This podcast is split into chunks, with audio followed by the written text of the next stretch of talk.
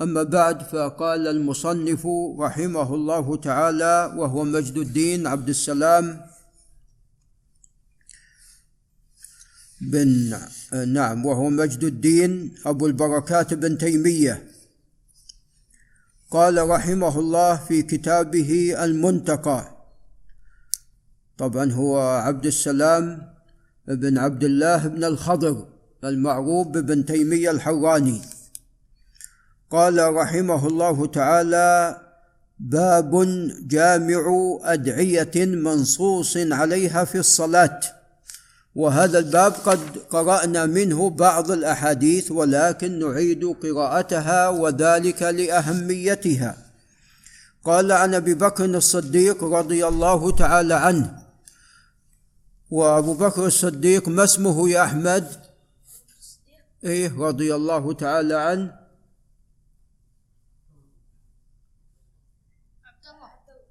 نعم عبد الله بن عثمان. أبو بكر الصديق رضي الله عنه اسمه عبد الله بن عثمان.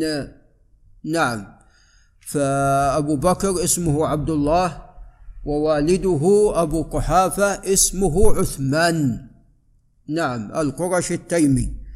قال رضي الله تعالى عنه أو أنه قال لرسول الله صلى الله عليه وسلم علمني دعاء أدعو به في صلاتي. وهذا يدل على أهمية الدعاء بحيث أن أبا بكر رضي الله عنه طلب من الرسول صلى الله عليه وسلم أن يعلمه دعاء. دعاء جامع يدعو به في صلاته. نعم ولذا قال عليه الصلاة والسلام في حديث النعمان بن بشير الدعاء هو العبادة. فجعل العبادة كلها محصورة في الدعاء.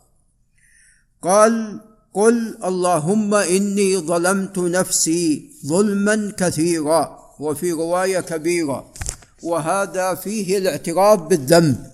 والإنسان إذا اعترف بذنبه وتاب إلى الله عز وجل وطلب من ربه مغفرة ذنوبه فإنه يرجى أن تغفر له هذه الذنوب.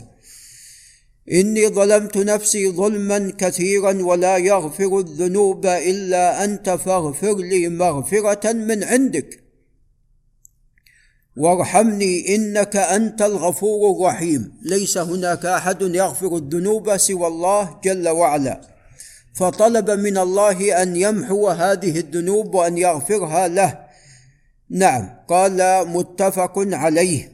وفي رواية طبعا ظلما كبيرا بدل كثيرا. قال وعن عبيد بن القعقاع قال رمق رجل رسول الله صلى الله عليه وسلم وهو يصلي فجعل يقول في صلاته اللهم اغفر لي ذنبي ووسع لي في داري وبارك لي فيما رزقتني رواه أحمد وهذا لا يصح. قال وعن شداد بن أوس رضي الله عنه أن رسول الله صلى الله عليه وسلم كان يقول في صلاته اللهم إني أسألك الثبات في الأمر الثبات في الأمر على الدين وعلى الشرع والعزيمة على الرشد الإنسان عندما يتردد في الإتيان بالأعمال التي فيها الرشاد هذا نعم نقص وتقصير. والشيطان يجعل الإنسان يتردد ويتلكى. فلذا سأل عليه الصلاة والسلام العزيمه على الرشد أن يعزم على كل على كل أمر راشد. وأسألك شكر نعمتك فسأل الله عز وجل أن يشكر نعمته وحسن عبادتك. فالإنسان إذا شكر وأحسن العبادة فهذه نعمة عظيمة. وأسألك قلبا سليما ولسانا صادقا. يجمع بين القلب السليم واللسان الصادق. نسأل الله من فضله. وأسألك من خير ما تعلم. وأعوذ بك من شر ما تعلم. وأستغفرك لما تعلم. هل بقي شيء؟ لم يبق شيء من نعم سؤال الله الخير من خير ما تعلم وأعوذ بك من شر ما تعلم. ثم قال استغفرك لما تعلم من ذنوبي وأخطائي وتقصيري. رواه النسائي وهو حديث صحيح. وللحافظ ابن رجب رسالة في شرح هذا الحديث لأنه حديث جامع حديث عظيم. وعن أبي هريرة رضي الله عنه أن رسول الله صلى الله عليه وسلم كان يقول في سجوده اللهم اغفر لي ذنبي كله دقه وجله الدقيق منه والجليل الكبير وأوله وآخره وعلانيته وسره رواه مسلم وأبو داود وعن عمار بن ياسر رضي الله عنهما فياسر أيضا صحابي وأمه سمية رضي الله عنها أم عمار صحابية أنه صلى صلاة فأوجز فيها خفف. والتخفيف ليس مثلنا الآن. الله أكبر الله أكبر لا. التخفيف بالنسبة لصلاتهم. يعني كان عليه الصلاة والسلام يصلي الفجر بما بين الستين إلى المئة من الايه وفي صلاة الظهر في الركعة الأولى والثانية بقدر ثلاثين آية. وهذا أيضا عدد كبير. بحيث يذهب الذاهب إلى البقيع فيقضي الحاجة ويتوضأ ويأتي ولا زال عليه الصلاة والسلام في الركعة الأولى. نعم. فأنكروا عليه فقال ألم أتم الركوع والسجود؟ اطمأن في ركوعه وسجوده أتم ذلك. فقالوا بلى. قال إني دعوت فيها بدعاء. لعل الشيخ بندر ينتبه لهالدعاء.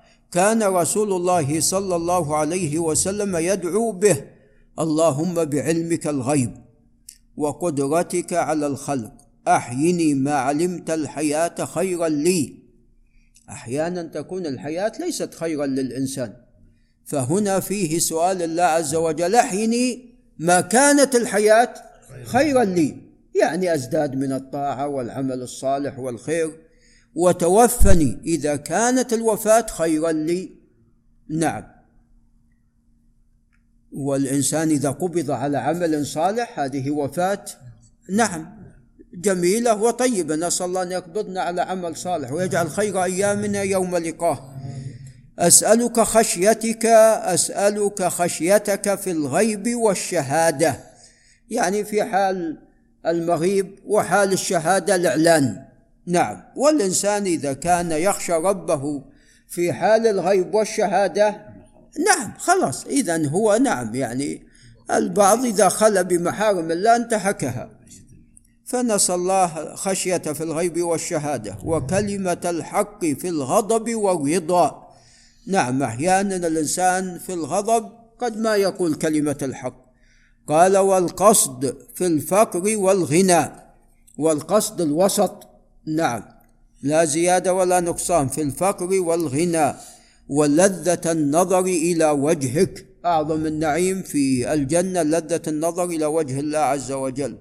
جعلنا وإياكم ممن ينظر إلى وجه ربه عز وجل.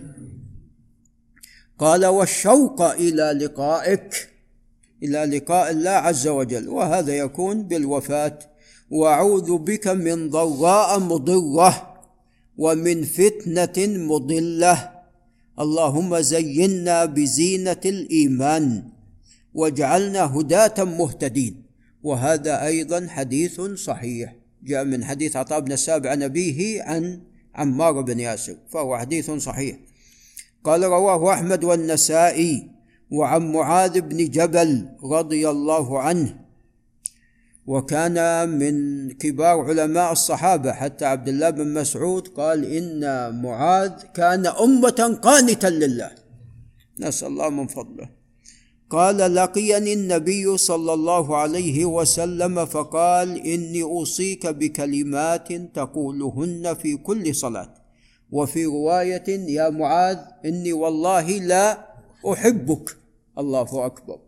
فلا تدعن في دبر كل صلاة أن تقول.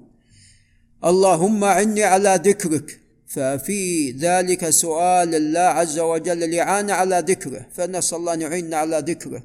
وشكرك وحسن عبادتك ما أجملها الدعاء. دعاء جامع بكلمات يسيرة. ولذا يقال هذا الدعاء في دبر ماذا؟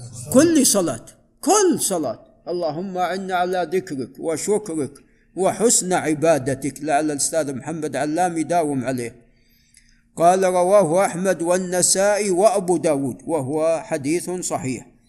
جاء من حديث أبي عبد الرحمن الحبلي عن أبي عبد الله الصنابحي عن معاذ بن جبل.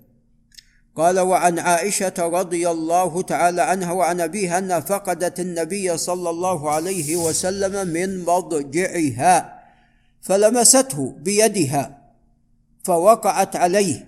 يعني تخشى أنه ذهب إلى بعض نسائه عليه الصلاة والسلام فوقعت عليه بيدها وهو ساجد وهو يقول ربي أعط نفسي تقواها. زكها أنت خير من زكاها. أنت وليها ومولاها. رواه أحمد وهو صحيح. قال وعن ابن عباس رضي الله تعالى عنهما أن النبي صلى الله عليه وسلم صلى فجعل يقول في صلاته أو في سجوده اللهم اجعل في قلبي نورا وفي سمعي نورا وفي بصري نورا وعن يميني نورا وعن شمالي نورا وأمامي نورا وخلفي نورا وفوقي نورا وتحتي نورا. واجعل لي نورا أو قال واجعلني نورا. لم يبقى شيء هذه عشرة تقريبا. ف ولذا قال عز وجل أو من كان ميتا فأحييناه وجعلنا له نورا يمشي به في الناس. فنسأل الله أن أن يجعل أن يجعلنا نورا. قال مختصر من مسلم من حديث رواه مسلم. نعم ونسأل الله أن يوفقنا إلى الدعاء بهذه الأدعية العظيمة. هذا وبالله تعالى التوفيق. نعم. دبر كل صلاة يعني قبل السلام؟ والله جاء في رواية قبل السلام. جاء في رواية قبل السلام. والإنسان لو ما قالها قبل السلام يقولها متى بعد السلام لأن كلها دبر نعم. أدبار الصلوات تسبح المقصود هنا بالأدبار بعد السلام. هذا بالنسبة للتسبيح فالدبر إما أن يكون متصلا بالشيء أو منفصلا ولكن قريب. العزيمة القدوم الهمة يعني؟ إي نعم. على إي نعم. يعزم على كل أمر فيه رشاد إي نعم. انت تعلم يعني كثير يعني الناس يعرفون هذا أمر راشد وهذا غير راشد لكن من اللي يفعل الراشد أحيانا قد يسوف يقول بعدين بكرة. إي نعم. يعني البدار يبادر. نعم نعم. حديث الشيخ خير اللهم اجعل في وجهي نورا دعاء الذهاب للمسجد إي هذا جاء بأنه يقال عند الخروج إلى المسجد وجاء بأنه يقال في السجود. نعم وجاء بأنه في الصلاة. فأنت إذا قلت في كل هالمواطن فلا بأس. يعني تجمع بين اي إذا قلت نعم. نسأل الله القبول. آمين.